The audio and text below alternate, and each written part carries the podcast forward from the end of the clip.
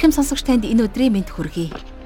Өдөр бүр амьд бурхны амьсгалаар бичигдсэн ариун үгнээс суралцдаг Библийн хуудасаар радио цаурал нэвтрүүлгийн маань нэгэн шинэхэн дугаар таны сонорт хүрэхэд бэлэн боллоо. Өнгөрсөн дугаарт бид эмэгтэйчүүдийн хувцлалт болон эрэгтэйчүүдийн үс засалтын талаар нэлээд хатуухан үгийг бид үзэж сурсан байгаа. Хатуу үг явдалд тустай. Гашуун им өвчнөд тустай гэж монголчууд бид манд хэлэх дортой. Харамсалтай нь өнөө үед үр хүүхдээ өвгдийнхөө мэрэгэн сургаалаар хүмүүжүүлдэг эцэг эхчүүд ховор олжээ. Энэ нь юунаас харагдж байна гэхээр эр хүн өрхийн тэргүүнийхээ байр сууринд байхаа болж эмэгтэйчүүд ч гэсэн эхнэр хүнийхээ үүрэг, намп төрхийг гээсэнд л учир байгаа юм. Миний хувьд жаргал агшийн заасан энэ хичээл олон гэр бүлийн гишүүдэд байр сууриа мэдгэтэн тусалсан гэдэгт итгэлтэй байна. Бурхан хүний амьдралын бүхий л зүйлд үнэхээр гайхалтайгаар санаа тавьж өөрийн үгэнд дуулууртай итгэгч хүмүүсээр үлгэрлэн харуулахыг хүсдэг. Та үнэхээр сайхан харилцаатай. Би биенээ хүндэлдэг, бүх зүйл нь зөв зохистой тийм гэр бүлийн хүмүүсийг мэддэг баг. Олон хүнийг би яаж тэдэн шиг ийм амар тайван сэтгэл дулаахан болох вэ гэж санааширч байхыг сонссон юм байна. Тэгэхээр бурхны нүдэнд зөвхт тэдгээр хүмүүс зөвхөн түүгээр л удирдуулж бурхны үгэнд дуулууртай байсных нь үр жимсэн ийхүү бусдад үлгэр дуурал болон харагдаж байгаах. Хэрвээ та Христийн зөвхт байдлаар бие ороосон бол таны хуучин төрөх байдал ариун сүнсний удирдлага дор байгаа гэсэн үг. Тэгэхээр бидний үргэлж санаа зовох, санаж явах ёстой зүйл бол бид Христийн эрхчлөөн дотроо бусдыгаа бодож, бусдад гэрчлэл болон амьдрах ёстой гэсэн энэ л мессежийг зүрх сэтгэл дотроо хадгалах ёстой. Тэгэхээр өнөөдөр бид 1-р Коринт номын 11-р бүлгийн 17-р ишлэлээс 32-р ишлэлийг дуустал уншиж судлах болно. Ингээд энэ цагийг Бурханыхаа мотор даатгаж хамтдаа залбирцгаая. Бидний амь амьдралыг босгон байгуулсаар ирсэн Бурхан Аав минь таны мэрэгэн агуу гайхамшигтай үгийн тэр удирдамжийн төлөө талархан залбирч байна. Алив саад бэрхшээлийг тантай хамт туулж, амь амьдралыг утга учиртайгаар үргэлжлүүлэхийг та бидэнд зааж, сануулж өгсөн.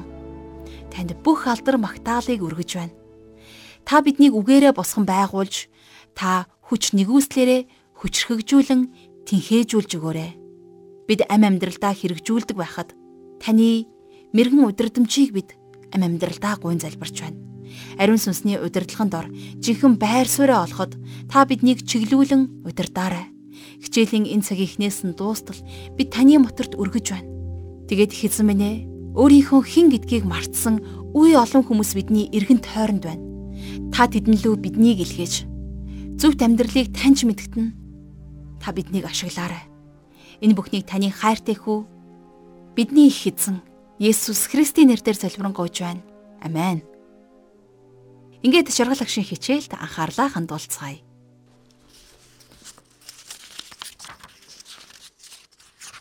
За тэгэхээр өнөөдрийн хичээлээр бид нэр маш чухал нэгэн хичээлийг хамтдаа судлах болно. Энэ бол 1-р Коринт номын 11-р бүлэг дээр байдаг. За эзний зоогийн тухай. За миний бодлоор магадгүй эзний зоог бурхантай харилцах харилцааны хамгийн ариун хэсэг байна. Зарим чуулганууд эзний зоогийг буруугаар ойлгодгоо гэж би хувьдаа боддог. Тэгэхээр эзний зоогийг хэрхэн барьж байгаагаар нь бурхан биднийг шүүх болно гэж Паул энд хэлсэн байна. За үнэн дээр Коринт хотын чуулганд эзний зоогийг яаж барьснаасаа болоод тэдгээрийн зарим нь өвчин тусаж зарим нь бүр нас барж байсан байна. Ягд үг гэхлээр тэд нэр Христийн бие гэдэг зүйлийг ойлгоогүй байсан. Тэгэхээр өнөөдөр ч гэсэн та бид нар Христийн биеийг эзний зоогтой холбон ойлгох маш чухал байдаг. Бидний ихэнх нь өмнө үйлдэгддэг байсан зан үйлийг л давтан хийж байгаа юм шиг санагддаг. Бид нар нэг бүрчлэн тэр зан үйлийг нь хийдэг. Харин бид нар үнэхээр эзний зоогдох Христийн бие гэдэг зүйлийг ойлгож байна уу үгүй юу гэдгээс бүх зүйл шалтгаална. Тэгэхээр эзний зоог бол Христэд итгэгч хүний хамгийн өндөр илэрхийлэл, хамгийн ариун зан үйл болдгийм. Харин Коринт хотод энэ зан үйл нь бурхныг доромжилсан за доод төвшний дэлхийлэг зан үйл болон хувирсан байсан. Сайн мэдээний дөрвөн номын 3-т нь эзний зоогийн дэг жаягийн талаар бичсэн байдаг. За мөн Паулийн Коринтотынд бичсэн 1-р загтал дээр ч гэсэн давтагдан гардаг. Эзний төрсөн өдрийг санал турсах талаар хаанч байдаггүй харин сонирхолтой. А түүнийх болсон бид түүний өхлийн өдрийг дурсан санах ёстой гэж харин Библиэлд өргөлт өгсөн байх юм. Паул эзний зоогийн хамгийн чухал зүйлийг 23 дугаар ишлэлдэр ингэж хэлсэн байна. Учир нь би та нарт дамжуулснаа эзнээс авсан жухамхүү баригдсан тэр шөнөө эзэн Есүс талах аваад гэж. Тэгэхээр эндээс харах юм бол Паул энэхүү эзний зоогийн тухай зааврыг шууд илчиллээр хүлээн авсан байх нь. За хэрвээ бид нар 1-р Коринт номын 13 дугаар бүлгийн 3 дугаар ишлэлийг харах юм бол Паул ингэж бичсэн байгаа. Учир нь би хүлээн авснаа та нарт юуны төрөнд дамжуулсан. Бичвэрийн дагуу Христ бидний нүглийн учир үгсэн гэж бичсэн байна. Тэгэхээр Паул сайн мэдээний шууд илчлэл за бас эзний зоогийн шууд илчлэлийг хоёуланг нь хүлээж авсан. Эзэн Паулд эзний зоогтой холбоотой онцгой зааврыг өгсөн байна. А гэхдээ эзний зоог хийгдэж байсан дээд өрөөнд Паул бусад дагалдагч нартай хамт байгаагүй гэдгийг бид санах хэрэгтэй. Тэгэхээр энд Паул эзний зоогийн ёс жаягаар дамжуулан Коринтын чуулганд юу хэлэх гэж байгааг нь ойлгох нь тиймч амархан биш байдаг. За яг тодорхой хэлэх юм бол нөхцөл байдал нь тухайн үед адилхан байсан. Тэр үед эзний зоогийг гэртээ өдөр бүр тэмдэглэдэг байсан. Үйлс номын 2 дугаар бүлгийн 46-аас 47 дугаар ишлэлийг харах юм бол өдөр бүр тэд нэг сэтгэлээр сүмд цуглаж, талхаа айлуудад хувааж, талархал хийгээд өгөөмөр зүрхээр хоололцсон. Бурхныг магтаж, хамаг ардын хайр хүндэтгэлийг олж байв. Эзэн аврагдагсдыг тэдэн дээр өдрөөс өдөрт нэмэгдүүлж байлаа гэсэн байдаг. Өнөөдөр чуулган клуб, нийгэмлэг, банк болон даатгалын компаниуд хамтарч хоол идэж хамтдаа нөхөрлөх цаг гаргадаг заншилтай болчихсон байгаа. Олон хүн чуулганы үдшилтгийг шүүмжилдэг. Эртний чуулганууд дээр эдгээр зоогийг нөхөрлөختөө хийдэг байсан. Энийг агапе буюу хайрын зоог гэж нэрлэдэг байсан байна. Энэ нь чуулганы нөхөрлөлийн нэг чухал хэсэг нь байсан. Тэр үед бүх нийтээр цуглаад эзний зоогийг хамтдаа барьдаг байсан. За тэгээд он цаг улирахад өнөөдөр өөрөөр тэр зүйлийг хийдэг болчиход байгаа. Бидэнд хайрын зоог эсвэл эзний зоогийг илтгэх оройн зоог гэж байхгүй. Тэгэхээр тухайн үед Коринт чуулганд байсан муу зүйлсийг нь харин бид дуурайх биш. Харин тэрнээс сургамж аван суралцах учиртай. За 11-р бүлгийн 17-р ишлэгийг уншийе. Та нар сайнд бус харин ч мууд цугладаг болсон тул энэ зааврыг өгөхдөө би та нарыг сайшаахгүй гэсэн байна. За заавар өгөхдөө гэж хэлснээрээ үнэндээ болвол Паул тушаасан гэсэн утга санааг илэрхийлж байгаа. Тэгэхээр та нар сайнд биш харин мууд цугладаг болсон тул үүнийг тушаахтаа би та нарыг сайшаахгүй юмаа гэж Паул хэлсэн гэсэн үг юм аа. Өөрөөр хэлэх юм бол тэд нэр цуглахдаа сүнслэг ёроолын төлөө хамтдаа цуглах учиртай байсан. Гэвч Коринтийнх нь тгээггүй байна. За тэгээд үргэлжлүүлээд 18 дугаар эшлэлдэр Учир нь нэгдүгürt та нар чуулгандаа цуглахдаа хагаралтай байгааг чинь би сонсов. Зарим талаар би үүнд үнэмшиж байна. За энд цуглааны тухай ярихдаа Паул байшин барилгын талаар мэдээж яриаггүй тийм ээ. Харин тэр итгэгчид хамтдаа цуглах үед жинхэнэ чуулган болдог тэр чуулганы талаар ярьж байна. Магадгүй өнөөдөр та биднээр чуулган гэж ярихдаа чуулганыг барилгаар төсөөлөх гээд байдаг. За баптист чуулган, методист чуулган, пресбитериан чуулган, эсвэл бие даасан, тусгаар чуулган гэл олон чуулганууд байна. Тэгэхээр бидний ярьдаг тэдгээр чуулганууд өнөөдөр хаалгаа бариад тэнд нэг ч хүн байхгүй болох аюулд орчход байна. Тэгэхээр байшин бол чуулган биш ээ. Энэ бол зүгээр л барилга. Чуулган гэдэг бол хүмүүс. Энийг зүгээр л хам сэдвэр нь ингээд ойлгоход хэцүү байж болох юм. За тэгэхээр тухайн үеийн Коринтын итгэгчид хамтдаа цуглах үед бидний 1-р Коринтын 1-р бүлэгт үзэж байсанчлан хагарал тэмцлийн сүнс эзний зоогон дээр ч гэсэн байдаг байсан байна. Тэрхүү хагарал тэнд ч гэсэн байсан байгаа биз? За дараагийн 19 дугаар ишлэгийг харах юм бол учир нь та нарын дунд шалгарсан хүмүүс тодорхойн тулд дунд чинь бүлэглэлүүд үүсэх нь зайлшгүй гэсэн. Өнөөдөр эзний чуулган янз бүрийн бүлэглүүлэлд хуваагдсан. Чуулган дахь хүмүүсийн нилээд хувь нь огт аврагдаагүй хүмүүс ч байна. Тэд нэр зүгээр л яаж хийж байгаа чуулганы гишүүд болсон байна. Паул энд та нарын дунд шалгарсан хүмүүс тодорхойн тулд дунд чинь бүлэглүүд үүсэх нь зайлшгүй гэж дээр хэлсэн байсан. Тэгэхээр шүтэн мөргөл болон онол сургаалуудаас шалгарсан хүмүүс тодрон гарч ирдэг. Олон хүн чуулганаас холдон харин тийм хүмүүс рүү овоордог. Мэдээж эзэн тэднийг хожим шүүж тэгснэр агуу гэгдэх тэд нэгэн үед илчлэгдэн ичих болно тийм ээ. За үргэлжлүүлээд 11 дугаар бүлгийнхээ 20 дугаар ишлэлийг харъя. Тиймээс та нарын хамтдаа цуглах нь эзний зоогийг идэхийн тулд биш юм аа. За энийг өөрөөр хэлэх юм бол та нар нэг газар цуглахдаа эзний зоогийг идэх боломжгүй гэж Паул хэлж байна. Тэдний хувьд эзний зоогийг тэмдэглэх боломжгүй байсан. Яагад үг гэхээр тэд нар эзний зоогонд зүй бусаар хандаж байсан. Ийм нөхцөл байдалд мэдээж тэд нар эзний зоогийг тэмдэглэх боломжгүй. Тэгэд 21 дүгээр эшлэл. Учир нь идэх болоход хүн бүр өөрийн хоолыг уртаад авчихдаг бөгөөд нэг нь өлсөж байхад нөгөө нь согтуурч байна. За энэ юу гэсэн үг юм болоо гэж гайхчихж болох юм. За тэгвэл нэг ширхэг төмөсч авчирч чадхааргүй зарим ядуу хүмүүс оройн хоолны нөхөрлөлд ирлээ гэж бодъё. За тэрний хажууд шарсан дахиа заримыг авчирсан баян хүн тэрэнд хоолноосоо нэгч халбаг өгөхгүй байвал мэдээж тэнд ямар нөхөрлөл байх вүлээд. За 22 дугаар ишлэгийг харах юм бол та нарт идэх уух гэр орон байхгүй юу? Эсвэл та нар бурхны чуулганыг басамжлан хоосон нэгнээ ичээж байна уу? Та нарт би юу хэлэх вэ? Та нарыг би магтана гэж юу? Үүний чин төлөө би та нарыг магтахгүй гэсэн байна. Хэрвээ тэд нар жинкнээсээ нөхөрлөё гэж бодоагүйсэн бол гэртээ хоолоо идсэн нь дээр байсан. Тэдний хийж байгаа зүйл чуулганыг хагалж, чуулганы хүмүүсийн дунд түнжин хаглах үйл явдал болсон байсан. За зарим нь бүр энэ агапе хэмээх хайрын зоогийн туршид согтуу байдаг байсан байна.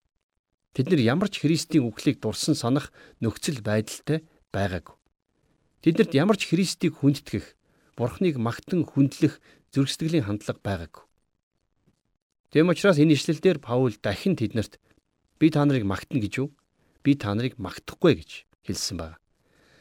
За тэгээд 23 дугаар ишлэлдэр үргэлжлүүлээд учир нь би та нарт дамжуулснаа эзнээс авсан. Жохомхоо баригдсан тэр шөнөө эзэн Есүс талх аваад за энэ төр зогсъё. Заримдаа хүмүүс эзний зоогийг эзэн яг хэрхэн яаж хийж байснаар нь хийхийг хүсдэг л дээ. За тэгээд бид нар өглөөний 8 цагийн үйлчлэлийн цаг дээр энийг хийх гэж оролддог. Хэрвээ та эзний яг үйлдэж байсан тэр цагт эзний зоогийг барихыг хүсэх юм бол эзний зоогийг шөнөөр барих ёстой. Санж байна уу? Дагалдагчид дээгүр өнгөрөх баярын зоогийг шөнөөр барьсан шүү дээ. За мөн эзэн тэр зоогийг эзний зоог гэж тогтоосон. За тэгээд яг тэр шөнө нь Есүсийн 12 дагалдагчдын нэг болох Юдас Есүсээс урвж түүнийг бариулсан. Тэр оройн зоогон дээр Есүс талах хуваасан байна. 24 дугаар ишлэлдэр талархал өргөж хуваагаад энэ бол та нарын төлөөх миний бие мөн. Намайг дурсаж үүнийг үйлдгсэн. За дахин хэлэхэд Паул 12 дагалагчтай хамт тэр дээврийн өрөөнд Есүстэй хамт байгаагүй.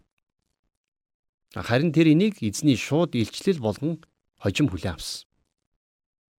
Яг тэр шүн тамийн хүчнүүд бидний аврагч эзнийг устгахаар ирсэн. Тэр оройн зоогон дээр байсан энгийн даруй байдал, сүрлэг ариун сайхан байдал болон ухаалаг байдал нь маш онцгой байсан. За талархал өргөж гэж бичсэн байгааг анзаараар. Тэгэхээр хоёр давхрын өрөөнд загалмайн сүүдэр ойртон байхад Есүс бурханд талархал өргөж байсан гим нүгэл дээврийн өрөөний хаалгыг тогшиж байхад ч гэсэн тэр бурханд талархал өргөж байсан юм а. Тэгээд тэр талхыг хугалсан. За энэ талаар итгэгчдийн дунд үргэлж өөрөөр үзэл бодол явж байдаг. Талхыг хуваах юм уу эсвэл байгаагаар нь идэхүү гэж.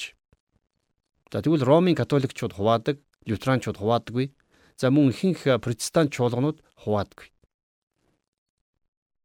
Тэгэхээр миний хувьд бол талхыг чуулганы өмнө хуваасан дээрээ гэж би үзэж байгаа. Яагаад вэ гэхээр талхыг хуваана гэдэг бол эзний хугарсан биеийг төлөөлж байдаг юм шүү дээ. За үргэлжлүүлээд 25 дугаар ишлэлдэр тэрчлэн зоогийн дараа мөн аяг авч энэ аяг нь миний цусаар тогтоогдох шин гэрээ юм. Үүнээс та нар уух болгондоо намайг дурсаж үүнийг үлдээ гэсэн байна. За тэгэхээр талх бол Есүсийн хугарсан, шархтсан биеийг төлөөлдөг бол за аяг нь шин гэрээн илэрхийлж байдаг. За аяг гэж нэрлэж байгааг та анзаарч байсан уу? Зарим тохиолдолд усан үзмийн шүүс гэж нэрлэдэг ч гэсэн хизээч дарс гэж байдаг. Тэгэхээр эзний зоогон дээр бид эсгсэн эсвэл эсгээгүй усан үзмийн шүүс ууж болох уу гэж бид нар үргэлж маргалдаж байдаг. Энэ бол үнэн дээр ялах хүүхдийн асуулт. Эсгээгүй гэдгийг нь бид нар одоо мэдэх боломжтой. За тэр үе дээгүр өнгөрөх баяр буюу эсгээгүй талхны баяр болж байсан. Тэгэхээр тэд нэр эсгээгүй талх идчихэд эсгсэн умдаа уун гэж юу? Дээгүр өнгөрөх баярын зоогон дээр бүх зүйл эсгээгүй байх ёстой. За хамгийн сонирхолтой нь Есүс энд аяг гэж хэлсэн байна. Тэгэхээр түүний бие цус агуулдаг аяг байсан гэсэн үг. Есүс үхээд өөрийн цусыг асгаруулахаар энэ дэлхийд мэндэлсэн. Илч нар биднэрт дахин дахин сануулдаг нэгэн зүйл бол тэр цусаар дамжуулан та бид нар нүглийн уучлалыг хүлээж авсан. Есүсийн цусны улмаас Есүсийн өршөөл бидэн дээр байнга байдаг. Есүс бидэнд диважингийн арын хаалгыг онгойлгож өгсөн юм биш. Харин хүүгийнхээ хувьд тэр бидэнд урд хаалгыг нээж бидний нүглийн шийтгэл төлөгдснөөр бид ариун бурхантай уулзах тэрхүү өндөр шаардлагыг хангасан юм. Энийг л бүгдээрээ мартахгүй байцгаая. Тэгэхээр энэ бол аяг. Энэ аяг шин гэрээний цусыг агуулж байдаг. За 11-р бүлгийнхээ 26-р ишлэлдээс харах юм бол учир нь энэ талхыг идэж энэ аягнаас уух бүртээ та нар түүнийг эрэх хүртэл эзний үхлийг тунхагладаг юмаа гэсэн байна. За Паул энэ дээр нэгэн шин зүйлийг нэмж хэлсэн байдаг. За 1-р Коринтын цагтл дээр Паул биднийг ямар нэгэн шин юмыг олж хараасаа гэж үргэлж хаалга нээлттэй байлгаж байгаа. Тэгэхээр энд тэр түүнийг эрэх хүртэл гэж хэлсэн байгаа биз? Эзний зоогийн талаар ярих юм бол гурван өөр чиглэлийн зүйлийг олж харах боломжтой байдаг. За нэгдүгüрт нь эзний зоогийг барихтаа бид нэр эзний үхлийг дурсан санаж тэмдэглэдэг, тийм ээ? За тэгээд тэр давтан давтан үүнийг үлдэхдээ намайг дурс гэж хэлсэн байдгийг санаарай. Загламай дээр өгсөн Есүсийн үхэл болон зоогийн ширээ болвол 2000 гаруй жилийн өмнөх үйл явдал. Харин өнөөдөр ч гэсэн Есүс та биднэрт энийг мартаж болохгүй. Энэ бол маш чухал гэж хэлсэн байдаг. Тэгэхээр эзний зоогийн эхний зорилго бол Есүсийг санаж дурсах явдал. Хоёрдугаарт Эзний зоог бол сүмийн эм нэгдлийг илэрхийлж байдаг. За заримдаа бид нар энийг сүмийн үйлчлэлч гэж нэрлэдэг. Үүгээрээ одоо ч гэсэн Христ бидний дунд амьдарч байгаа гэдгийг төлөөлөн тунхаглаж байдаг. За харин 3 дугаарт эзний зоог бол амлалт. Энэ нь Есүс дахин нэгэн өдөр эргэж ирнэ гэсэн ирээдүг бидэнд харуулж байдаг. Эзний зоог үүр дүргэлжлэхгүй. Энэ нь төр зургийн л зүйл. Бид эзний зоогийг дахин тэмдэглэхгүй жиж магадгүй. Яагаад гэвэл бид Есүсийг эртэл эзний зоогийг барина. Тэгэхээр энэ өдөр хараахан болоогүй байгаа ч гэсэн хизээ нэгэн өдөр эргэж ирэх эзний тухай юм. Эзний зоог эзнийг маань илэрхийлдэг. Үүгээр би түүний өвхөлд хамаатай болж байгааг эзний зоог надад сануулan хэлж байдаг. 27-оос 29 дугаар ишлэгийг уншийе. Тиймд хин нэг нь Зохисгүйгээр эзний талхыг идэж аягнаас уух аваас эзний бие ба цусны буруутан болно. Альва хүн өөрийгөө шалгаж байгаа талхыг идэг аягнаас ууг. Учир нь идэж ууж буй хүн биеийг зөв нягтлалгүй идэж уувал өөртөө шийтгэл авчирна гэсэн баг. За тэгэхээр энд гарч байгаа бие нягтлах гэсэн яг ямар утгатай юм бэ гэхлээр чуулганы түүхийг эргээд харах юм бол Чуулганууд энэний утгыг тайлбарлах тал дээр маш их маргаантай асуудалтай байсан. Эзний биеийг нягтлах гэж яг юу байсан бэ? За Ромын католик сүмийн хариулт бол хувиралт буюу за тахилч нарын ширээн дээр мөргөл үлдэж байхад талх нь Христийн жинхэнэ бие болон хувирч. За тэр шүүс нь Христийн жинхэнэ цус болон хувирдгаа гэж католикчууд үздэг. За хэрвээ энэ үнэн байсан бол эзний зоог нь хүний мах иддэг ёс болох байсан. За тэгвэл эзний биеийг хэрхэн яаж нягтлах юм бэ? Түүний биеийг хэрхэн яаж ойлгож болох вэ? За зарим хүмүүс болохоор зэрэг энийг зүгээр л бэлэг тэмдэг гэж үздэг. За харин өнөөдөр протестантууд энийг бэлэг тэмдэг гэж бодсон хэвээрээ байгаа. А гэхдээ миний хувьд бол эзний цог бэлэг тэмдгээс ч илүү утга учиртай зүйл. Лукийн сайн мэдээ номны 24 дугаар бүлэг дээр санаж байна уу? Имау тосгон руу орох замд нэгэн үйл явдал болдог тийм ээ.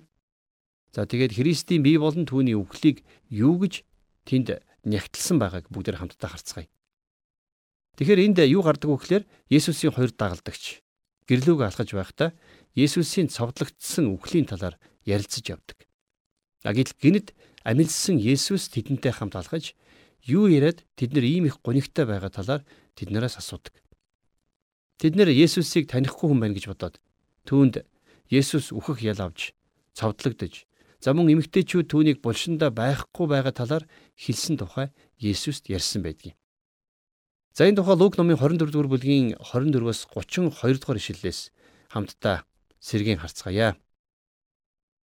Бидэнтэй хамт байсан хүмүүсийн зарим нь булш руу явж эмэгтэйчүүдийн хэлсний дагуу байхыг харжээ. Тэд түүнийг олж хараагүй гэхэд Есүс мунхаг хүмүүсээ иш үзүүлэгчдийн хэлсэн бүхэнд итгэхтэй хойрог сэтгэлтнүүдээ Христ энэ бүх зовлон гидлэн тэгээд өөрийн сүр жавхланд орох ёстой байсан биш үү гэв. Тэгээд тэр Мосегээс эхлэн бүх иш үзүүлэгчид бүх бичвэрт өөрийнх нь тухай юу хэлснийг тэдэнд тайлбарлав. Тэд зорж явсан тосгондоо ойртох үед тэр цаашаа явах гэж байгаа мэт байв. Тэд түүнийг ятхан бидэнтэй хамт байгаач. Нар хэдийний хивээж орой болж байна гэж хэлэхэд нь Есүс тэдэнтэй хамт байхаар болж герт оров. Тэгээд тэр тэдэнтэй хамт ширээний тухлан сууж талх авч өрөөгөд хувааж тэдэнд өглөө. Тэдний нүд нээгдэж түүнийг танив.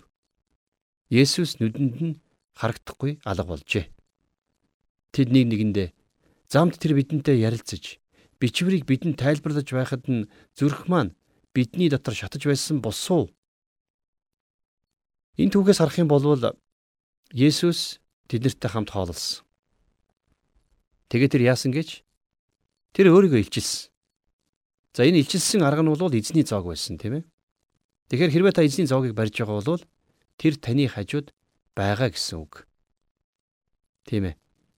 Эзний зоогийг барьж явах үед тэр таны дэргэд байгаа. Энэ бол зүгээр л нэг тийм бэлэг тэмдэг эсвэл заншил ёс биш. Энэ нь та Христийн биеийг нягтлах ёстой гэсэн үг юм. Таны аманд талах байгаач зүрхэнд чинь Христ байгаа. Тэгэхээр Есүс Христийн сууж байгаа тэрхүү ширээнд суухад Бурхан та бидэнд туслах болтугай. За 30 дугаар ишлэл. Үүнээс болж та нарын дунд сул дорой өвчтөй нь олон байгаа бөгөөд нилээд нь нойрсож байна. За тэгэхээр Коринтын итгэгчдийн зарим нь эзний зоогонд маш зохисгүй, за маш хүндэтгэлгүй, утга учиргүй хандж исэн учраас зарим нь өвчин тосч, за бүр зарим нь нас барсан байсан. Тэгээд цааш нь 31-ээс 32 дугаар ишлэлдэр бид өөрсдийгөө нягтлсан бол шүүхдэхгүй байхсан. Харин бид шүүгдэгдэхдээ ертөнцтэй хамт яллагдахгүй тулд эзнэр сахилагддаг гэсэн байна. За энд бол итгэгчдийн талаар ярьж байгаа. Бид нар ямар нэгэн буруу зүйл хийчгээд өөрсдийгөө шүүх боломжтой. Хэрвээ бид нар буруу зүйл хийчгээд өөрсдийгөө шүүхгүй бол Бурхан бид нарыг шүүх болно. Бурхан ирээдүйд дэлхийг шүүнэ. Тэм учраас тэр эхлээд өөрийн хүмүүсийн асуудлыг шийдвэрлэх ёстой байдаг. За ингээд өнөөдрийн хичээлийнхээ хамгийн сүүлчийн ишлэл болох 11-р бүлгийнхээ 33-аас 34-р ишлэлийг хамтдаа уншийе. Тиймд ах トゥ ус минь та нар идэхээр цуглахдаа нэг нэгнийгээ хүлээ. Та нар цуглахдаа шийтгэлд унахгүй тулд үлссэн хүн байвал тэр нь гэртээ идэг. Үлдснийг нь би очоод зохицуулъя. За эндээс харах юм бол Коринт хотын чуулганд төмөн янзын асуудлууд байсан. Паул тэдгээр асуудлуудыг бүгдийг нь бичлгүүгээр харин дараа өөрөө биеэрээ очихдоо шийдэх болно гэдгээ энд хэлсэн байна.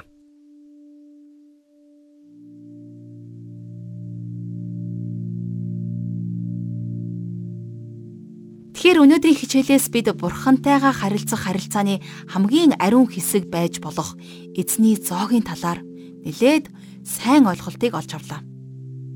Түүний зоогийн талаар нилээдгүй сүмчуулган хүмүүс буруу ойлголттой байдаг нь үнэн юм. Тэгвэл энэхүү хичээлээр дамжуулан та эзний зоогийн жинхэнэ утга учир мөн үн цэнийг нь ойлгож сурч мэдсэн гэдэгт итгэлтэй байна. Мэдээж та буруугаар хийсээр байвал бурхны өмнө шүүгдэх нь гарцаагүй. Энэ үгийг би биш харин Илч Паул бидэнд сануулan хэлж байсан. Учир нь чуулган бол бурхны үнэн үгэнд суурилсан төдийгүй түүний хүүгийн золиосоор түүний хайраар үндэслэн Христийн бие болсон нэгэн цул юм. Бид хаанч байсан бурхны үннийг хадгалах ёстой. Мөн түүний хүүгийн загалмай нэгүслэр түүнтэй болон хуршүүдтэйгээ харилцах харилцааг дотн болгохын төлөө эзний зоогийг өргөх нь чухал болохыг хамтдаа санацгаая. Тиймээс Христийн бие болсон бид үргэлж түүний сүлийн зоогон дээр байсан энгийн даруй мөн сүрлэг сайхан болон ухаалаг дүлгөөн байдлыг нь зүрх сэтгэлдээ онцгойгоор хадгалан дурсан санж амьдарцгаая. Энэ хүрээд өнөөдрийн хичээл маань өндөрлөж байна. Харин та сурсан зүйлийнхаа төлөө бурханд талархаж мөн залбирах цагийг хамтдаа гаргая. Хайртай бурхан аав минь таньда талархан залбирч байна.